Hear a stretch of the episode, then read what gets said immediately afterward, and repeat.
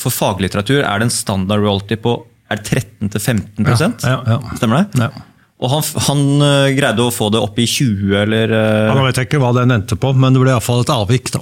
et avvik. Men hva, hva var problematisk med at Stoltenberg gikk til sitt forlag og sa eh, jeg gir ikke ut en bok av mindre jeg får 20% royalty? Hvorfor, hvorfor er det Jeg vet ikke om det han gjorde, da. Men eh, de kan si at, så det vet jeg ikke, men de kan si sånn generelt, så, så da jeg er på prinsipielt grunnlag så er jeg mot at alle skal skrive under samme avtale, og at man har fast pris på bøker eh, og andre særbestemmelser for bokbransjen. Eh, Men det fungerer veldig bra. Eh, norske bokmarkedet per innbygger må være det sunneste og beste og rikeste i hele verden. Slik at, slik at Derfor er jeg pragmatisk. så Da er jeg for alle disse her særreglene. Fordi det, fordi det, fordi det fungerer. Eh, nå tror jeg at nå skal vi få prislov på bøker, eller en boklov på bøker. Eh, det tror jeg er en tabbe. Eh, For det fine med det systemet som har vært nå, er at det har vært fleksibelt. At uh, Stoltenberg av den avtalen, folk reagerer, blir oppmerksomhet rundt det, tilbake igjen. Men hele tiden så vet alle aktørene at det er ikke en selvfølge at vi har dette systemet, og vi må oppføre oss øh, deretter. Men så raskt Arbeiderpartiet får innført en lov som de ønsker nå, så blir den fleksibiliteten borte.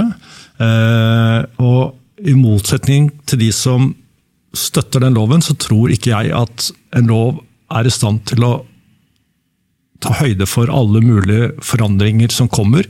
Og så kan si at det skal vi gjøre opp med forskrifter, men det er ikke så enkelt det heller. Så jeg tror at bokbransjen biter seg selv litt i halen. eh, Men, men Hva nå. innebærer denne prisloven? Altså, Ja, det er at nå er det, nå er det unntak fra Uh, uh, prisloven i Norge og konkurranseregler i Norge, slik som bokbransjen har det. Eh, Men det er hele tiden unntak. Får ikke, det, får ikke, det får du ikke resten av livet. Så det må hele tiden fornyes, og hvert annet eller tredje eller fjerde år så må disse unntakene for bokbransjen øh, godkjennes igjen. Og alle i bokbransjen vet at hvis vi ikke oppfører oss ordentlig, øh, så risikerer vi at politikerne bare snur seg rundt og sier at nå er vi lei, og nå får bokbransjen bli som andre bransjer, eller leve under de samme reglene. Eh, Men så raskt man får en lov, eh, da er eh, løpet lagt. Eh, Og det gjør at bokhandlere og i og for seg forlag og forfattere eh, kan ta seg helt andre friheter.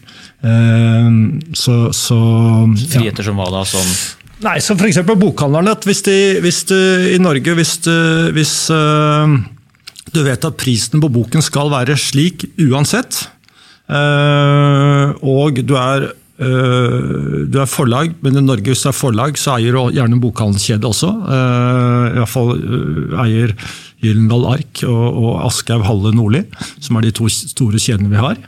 Og du kan si at For Gyllendal som konsern, som aksjonær i Gyllendal, eh, så kan du si at dårligere rabatt Gyllendal forlag har, eh, jo bedre går Gyllendal konsern.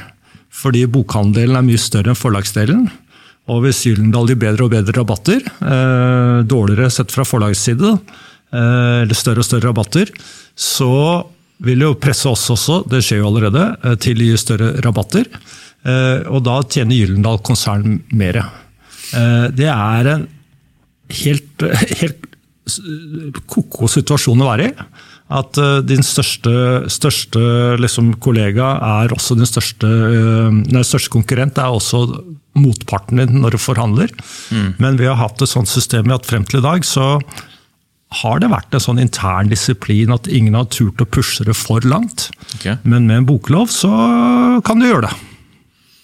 Ok, så, men, men Du syns systemet fungerer bra? for det er jo sånn, Fra forfatterhold så har jeg liksom ikke hørt måte på nok forfattere som da ikke er i elitesjiktet, som da syns enten det å gi ut en bok selv eller via et lite forlag komplett umulig å komme inn på bokhandlene.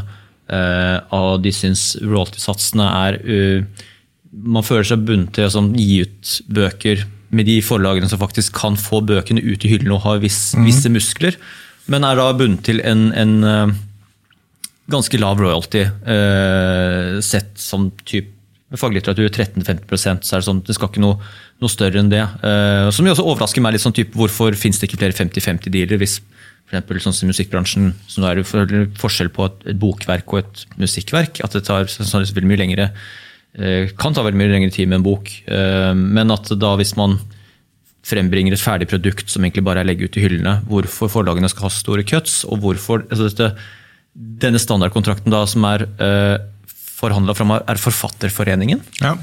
Sånn, Faglitterær forfatterforening i dette tilfellet. Akkurat. Altså det virker som en sin hensikt at en, en, fagforening da har forhandlet fram en kontrakt da, som skal, er for å sikre de svake, så at de skal sikre at alle får 13-15% minimum. Når da det også forhindrer at forfattere egentlig kunne fått mer. Ja, det kan, men det er det store spleiselaget da, som gjør at uh, Jo Nesbø og Åsne Seierstad har samme royalty som de som selger 300 eksemplarer av en bok. Uh, og kan si at Det er en urettferdighet i det, men det er en sånn stor sånn solidaritetspakke som, eh, som uh, norsk bokbransje har avfunnet seg med. Og Enden på visa er at oversettere jeg vil ikke si oversettere tjener godt, for det gjør de ikke, men de tjener vel bedre i Norge enn stort sett noe annet sted. Mm. Eh, og designere får til og med åke betalt, og alle liksom får noenlunde betalt. Eh, så det er, det er en villet politikk. Men de, for, de, forlagene da som eh, ikke er med på, på, på leiken, uh, og ikke forholder seg til standardkontrakten og gir 50-50 mm. med forfatteren, får de, får de, uh, er det vanskeligere da for de å få bøkene sine inn i bokhandlere? Og, og Nei, det tror jeg ikke. Men jeg kan si at det som er ulempen med de 50-50-forlagene, at det høres ut som en god idé når man prater om det. ikke sant? Mm. Uh, men ingen av dem fungerer over tid. Alle, alle jeg kjenner til, i hvert fall har gått ad undas. Og, så forlagene? Ja, og jeg, jeg jeg husker Moren min jobbet i forlag, jobbet i Cappelen forlag, og jeg husker på 70-tallet da hun hadde med kolleger hjem, og de var fulle.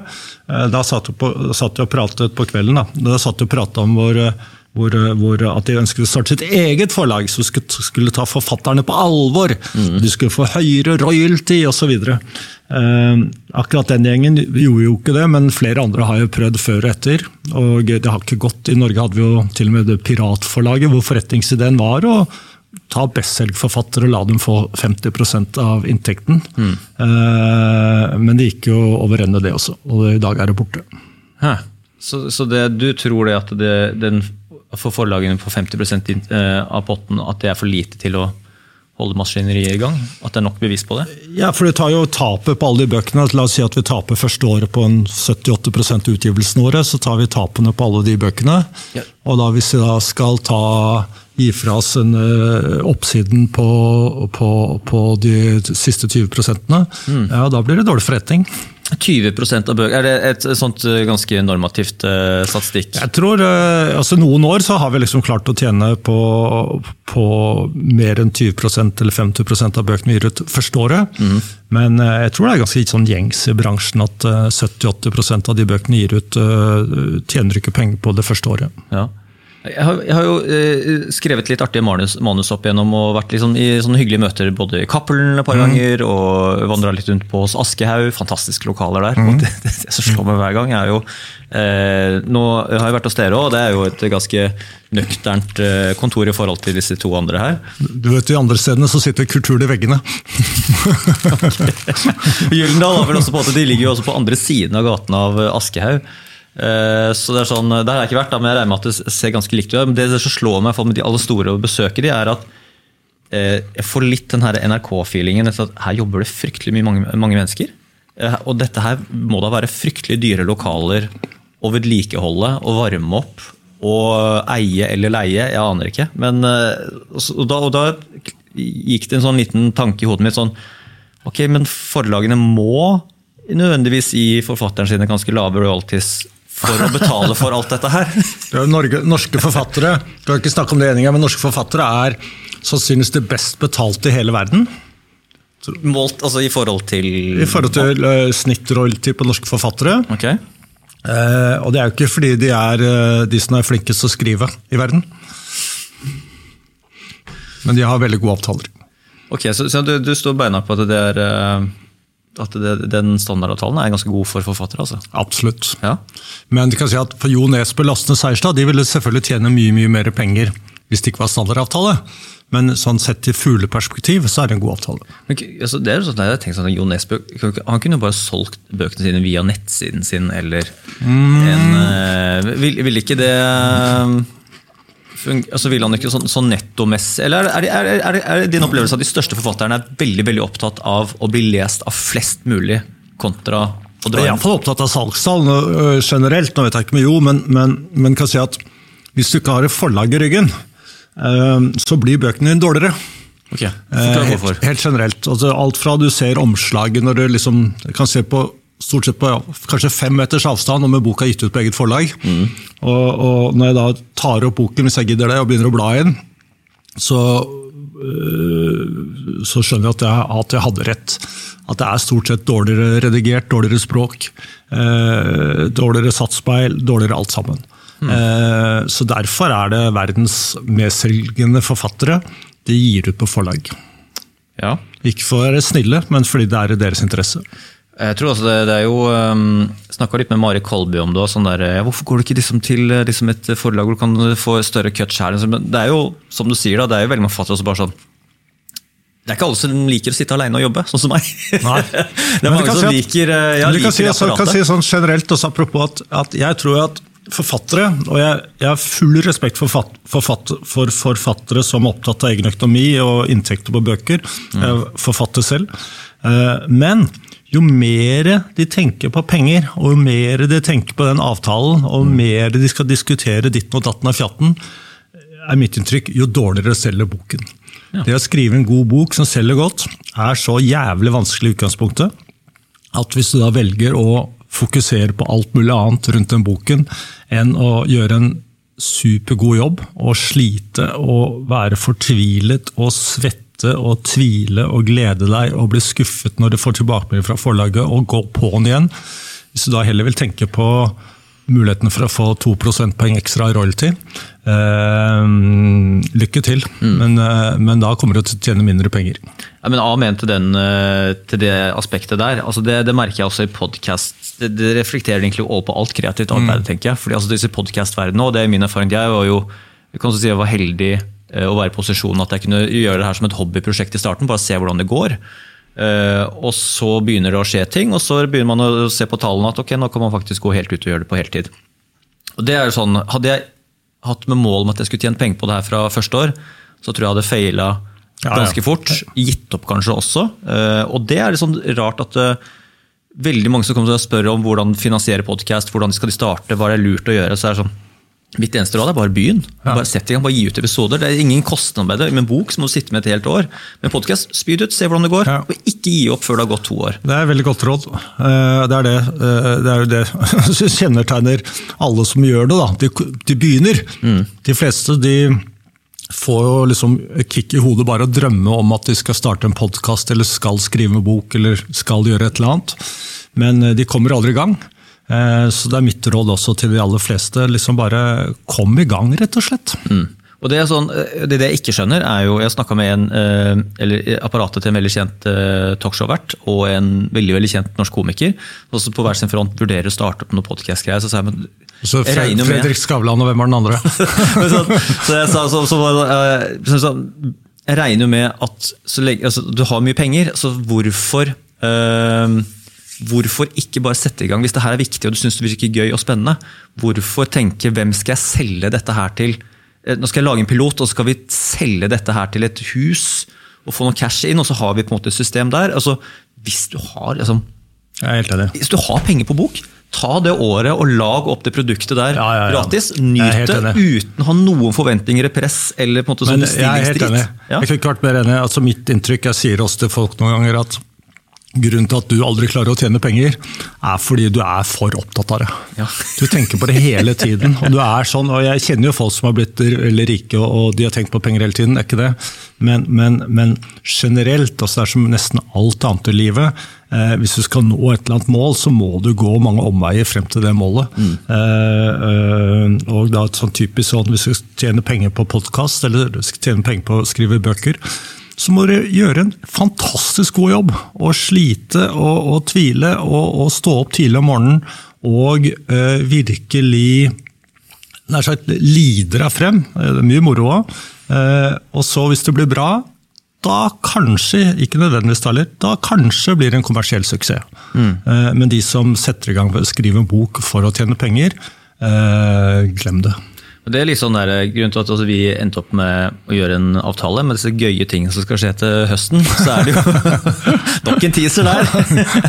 Må legge produktplasseringsbilde på denne episoden. her, Jeg tenkte mer at det var sånn at man gjør da habilitet. Ja. At du ja. sier at vi har et ja, det... ørlite kom, eh, kommersielt samarbeid. Ja, nei, det, det, det også, selvfølgelig. Det, det sa jeg vel i start, eh, starten nei, også. En, dis, en, disclaimer, som det heter på ungdomsspråket. Okay. Ja, en disclaimer brukte jeg. Jeg burde kanskje brukt det norske ordet Uh, hva var det du sa?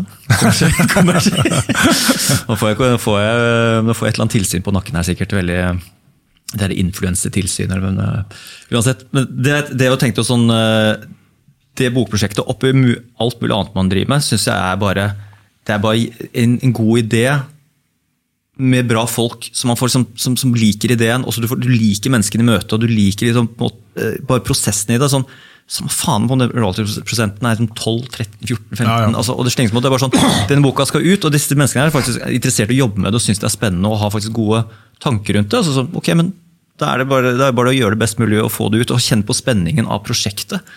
Og det der, hvis, liksom, og det er kanskje der, det, det farlige med den forfatterdrømmen at du skal også den der fantastiske historien med å slå igjennom med den første eller andre eller tredje romanen, som du kan leve av det. Og her, det, her liksom det ønske, sterke ønsket at du bare kan leve av det og få den statusen, enn å måtte kanskje jobbe ved sida eller ha andre ting. At, at, kanskje ikke skrivingen er din primæroppgave i livet, men at det er kanskje din primær glede. da. Eh, og så kanskje du kommer til et sted, et sted i livet framme der hvor du faktisk kan leve av skriving, at du blir så privilegert. men at du liksom fratar din egen skriveglede av nettopp den jakten på å kunne leve av det, det er jo litt sånn trist og synd at man som du sa da, man henger seg så mye opp i de pengene. Ja, ja, ja. Synd og synd. Eh, som å rede ligger man, som det heter på norsk. Men det er, det er, jo kanskje en bra filter også. at det, det, det vasker ut liksom eh, Det er jo nok, nok, av folk som har lyst til å bli artister og forfattere. Men det er viktig at det kommer fra, kommer fra Hjertet. Ikke, ikke, bare hjertet, og ikke alltid hjertet, men eh, at det er betydelig fra hjertet. Hvor fort merker du det, når du, eh, hvis noen kommer til deg med ideer? eller at ikke, det er ikke du som oppsøker personen, mm. at noen kommer til deg. Altså, hvor fort merker du at her har jeg lyst til å jobbe nå? Nesten med eneste gang. Ja. ja. Uh, kan være sekunder. Uh, men andre ganger så kan det ta lang tid, og så forandrer jeg mening òg. At jeg liksom blir nysgjerrig og tenker at dette er vel ikke noe, så hører jeg på det, og så tenker jeg litt, og så går det kanskje en time eller en måned, og så skjønner jeg at eh, nei, jeg tok vel feil. At dette er spennende likevel. Ja. Og så har jeg holdt det varmt i mellomtiden. Mm. Uh, og andre ganger omvendt, selvfølgelig. At det tar feil at jeg trodde litt at dette kunne gå bra, og så blir det ikke bra likevel. Men, uh, men jeg er optimist, så jeg har uh, ofte tro på at ting skal gå bra. Og det gjør det stort sett også.